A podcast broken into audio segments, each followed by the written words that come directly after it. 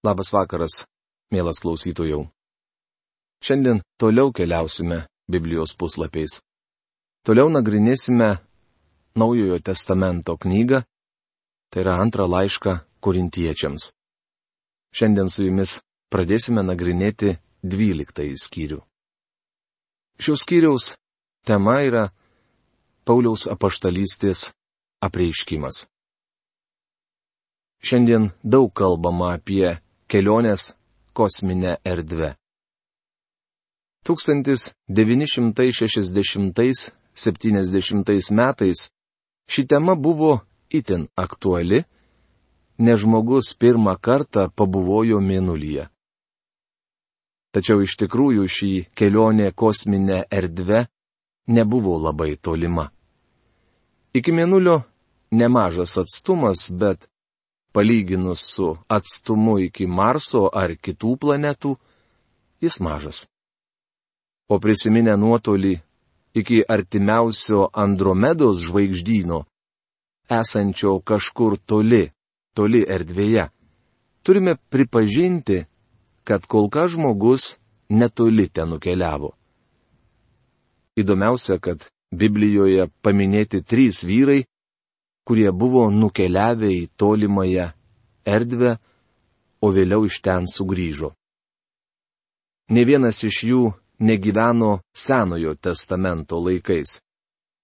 Žinau, kad kas nors paprieštaraus. O kaip Henochas ir Elijas? Nemanau, kad jie buvo paimti į dangų. Viešpats Jėzus sakė, niekas nėra pakilęs į dangų kaip tik žmogaus sūnus, kuris nužengė iš dangaus ir yra danguje.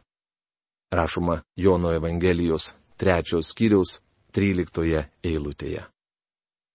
Kas nors pasakys, o aš maniau, kad Elijas buvo paimtas į dangų.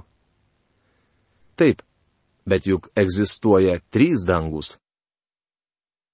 Pirmąjį dangų raižo padangių sparnuočiai antrajame danguje spindi dangaus žvaigždės. Trečiasis dangus yra Dievo buveinė. Elijas buvo paimtas į oro erdvę. Gali būti, kad iki to laiko, kai viešpats Jėzus pasakė šiuos žodžius, niekam kitam nebuvo tekę išsiveršti į tolimąją erdvę. Jis sakė, kad žmogaus sūnus nužengė iš dangaus. Dar žinome kitus du vyrus, kurie buvo paimti į dangų ir iš ten sugrįžo. Taip atsitiko apaštalui Jonui, kai jis buvo ištremtas į Patmo salą. Apreiškimo knygoje Jonas aprašo, ką matė ir girdėjo. Jis buvo trečiajame danguje, kur stovi Dievo sostas. Paskui aš regėjau, štai atsiverė vartai danguje ir pirmasis balsas, kurį buvau girdėjęs man gaudžiant tarsi trimitą, kalbėjo. Užženk čionai. Aš tau parodysiu, kas toliau turi įvykti. Bematant mane ištiko dvasios pagava. Ir štai danguje stovėjo sostas, o soste buvo sėdintysis. Rašoma, apreiškimo knygos ketvirtos skyriaus pirmoje antroje eilutėse. Paulius buvo antrasis žmogus, pabuvojęs danguje. Apie tai rašoma šiame skyriuje. Taigi iš viso buvo trys vyrai, galintys daugiau ar mažiau papasakoti mums apie dangų. Viešpats Jėzus, kūne apsireiškęs Dievas, pasakė apie dangų daugiau už abu likusius. Ir visgi jis atskleidė mums labai mažai. Jonas apie dangų kalba nedaug. O Paulius neprasitarė nei žodžio. Čia Paulius pasako tai, apie ką iš viso nebūtų užsiminęs, jei nebūtų priverstas ginti savo apaštalystės. Jis pasakoja mums apie savo kelionę į tolimąją erdvę. Pauliaus patyrimas. Jei reikia girtis, nors iš to jokios naudos. Eisiu prie viešpaties regėjimų ir apreiškimų. Antras laiškas korintiečiams, dvyliktas skyrius, pirma eilutė. Paulius ką tik išvardijo daug atsitikimų, rodančių, kaip jam teko kentėti dėl Kristaus. Tai nebuvo puikavimasis. Manau, Dievo dvasia paskatino apaštalą užrašyti visą, ką jam teko patirti, kad niekas niekada nedrįstų sakyti, aš iškentėjau daugiau už apaštalą Paulių. Beje, mums reikia įsiklausyti, ką gėdame. Vienoje giesmėje yra žodžiai. Savo kryžių aš nešu. Jėzau, tavimi seku. Vienišas, apleistas, nuogas, tik tavy randu paguodą.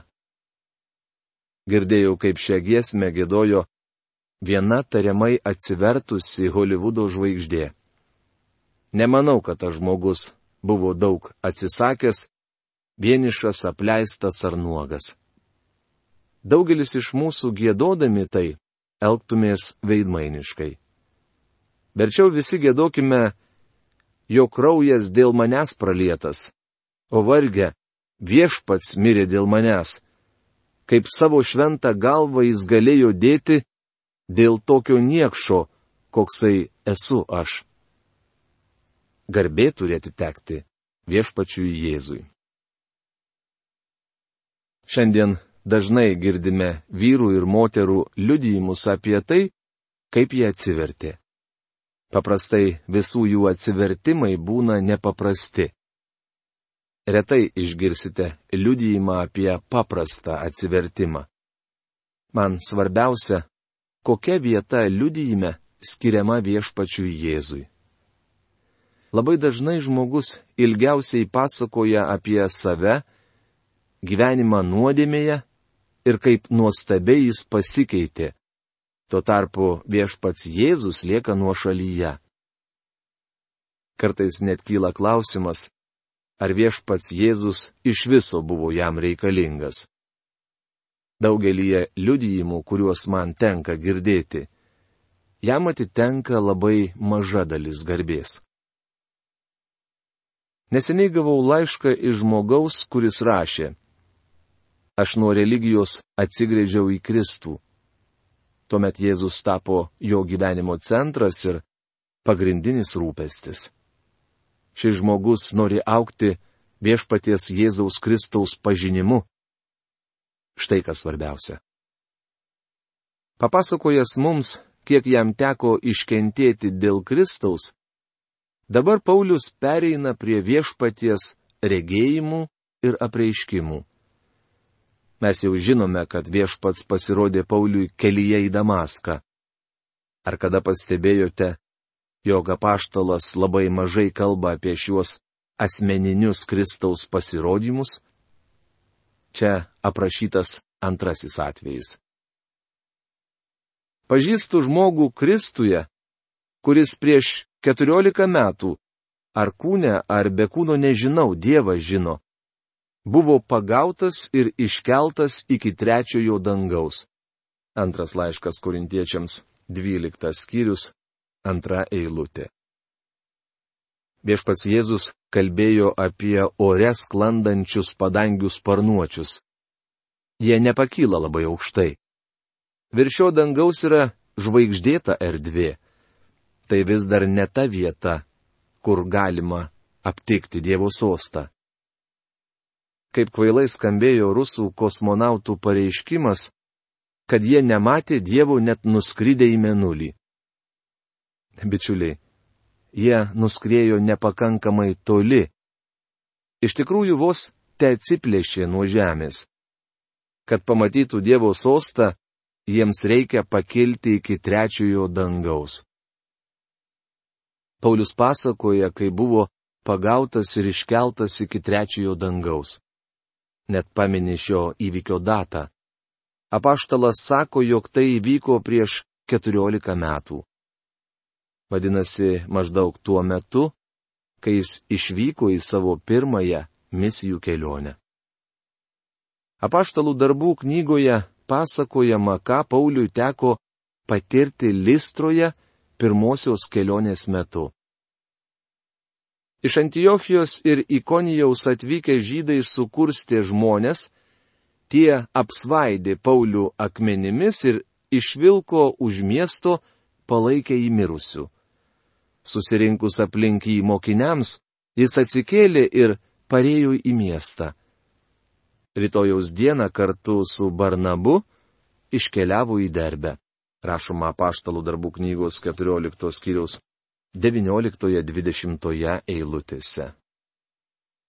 Ar jis buvo miręs? Nemanau, kad tie žmonės būtų palikę į ten, jei nebūtų tikri, jog jis miręs. Aš asmeniškai tikiu, kad Dievas prikėlė Paulių iš numirusių. Apaštalas negalėjo tiksliai pasakyti, ar tai buvo regėjimas, ar jis iš tikrųjų tuo metu buvo paimtas į dangų. Gana akivaizdu, kad čia Paulius kalba apie asmeninį patyrimą. Ir žinau, kad šitas žmogus, ar kūne, ar be kūno nežinau, Dievas žino, Antras laiškas kurintiečiams, dvyliktas skyrius trečia eilutė. Ar jis iš tikrųjų buvo miręs ir paimtas į dangų? O gal tik prarado sąmonę ir matė regėjimą? Paulius nekalba apie tai dogmatiškai. Tad ir mums nedėrėtų būti dogmatiškiems.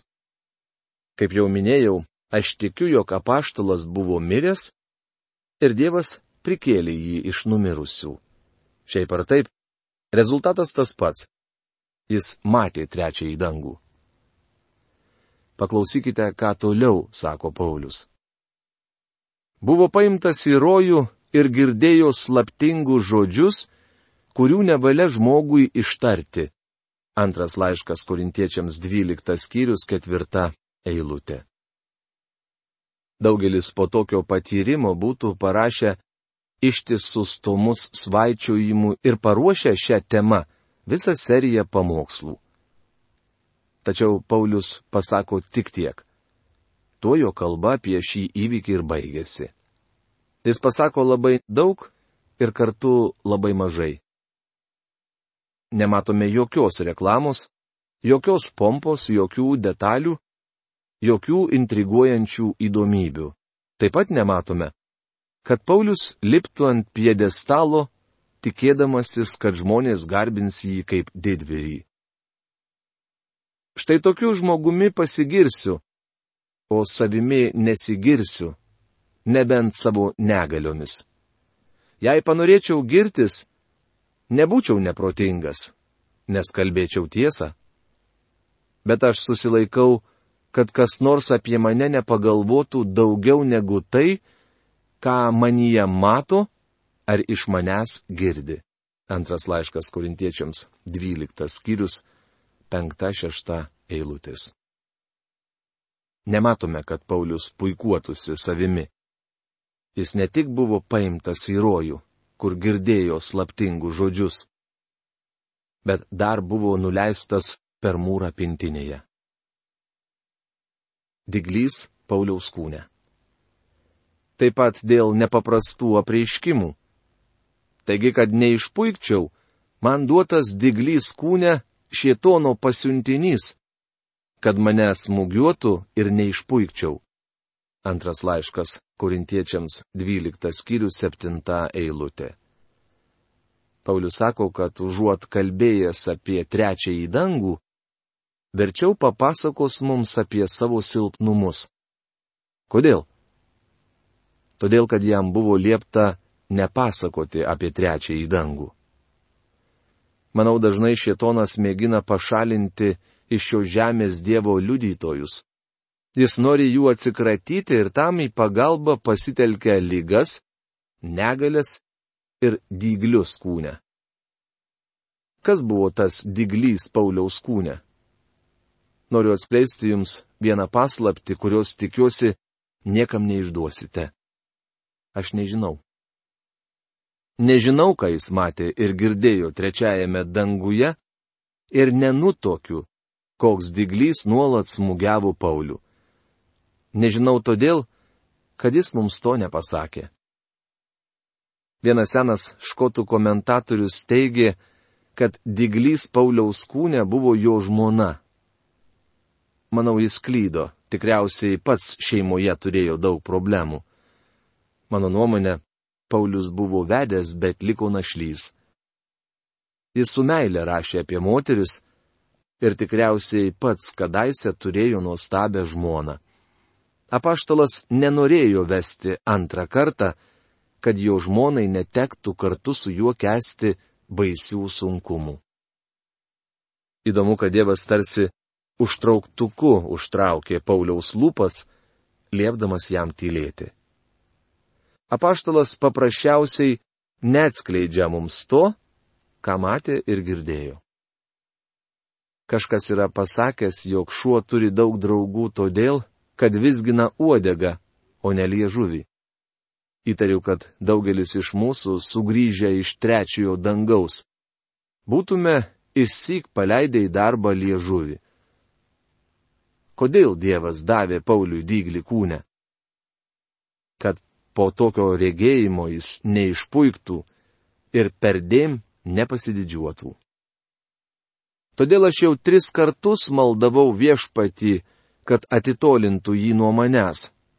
Bet man jis atsakė, gana tau mano malonės, nes mano galybė tampa tobula silpnume.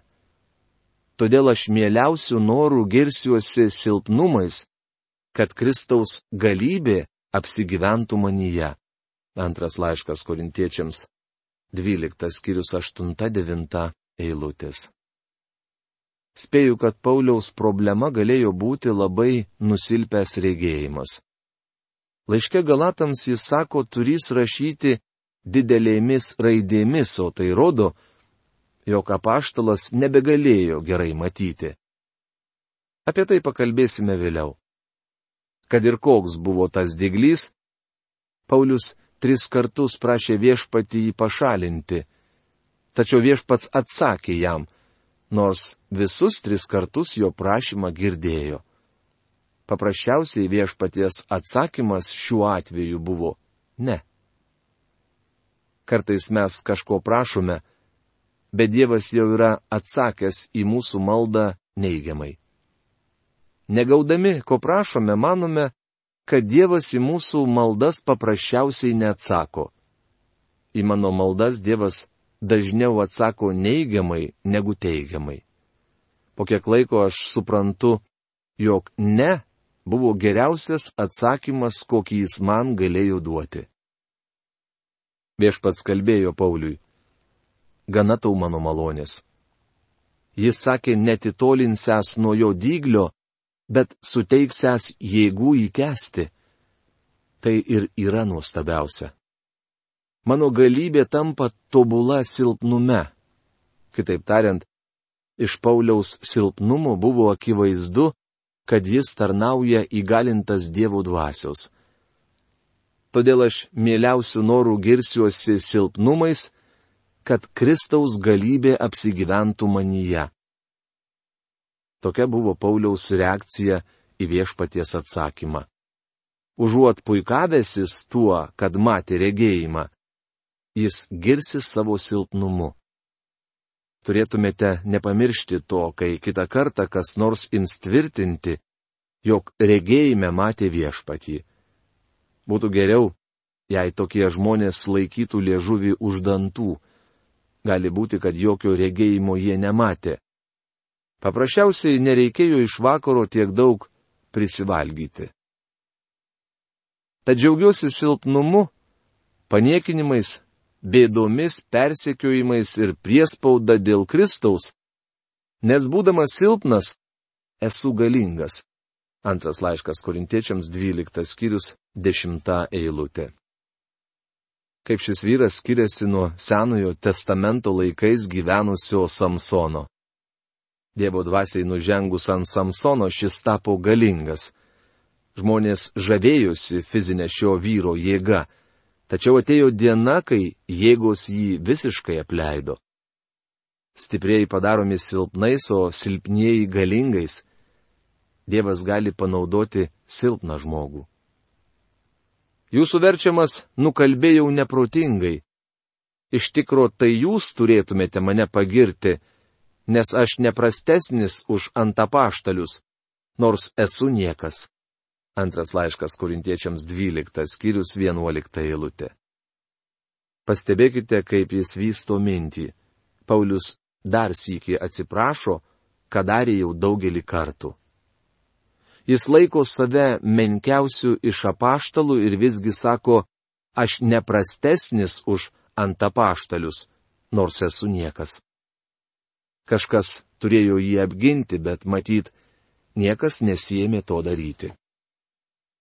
Jūsų akise pasitvirtino tikro apaštalo žymės - kantrybė, ženklai, stebuklai ir galingi darbai. Antras laiškas korintiečiams 12 skyrius 12 eilutė.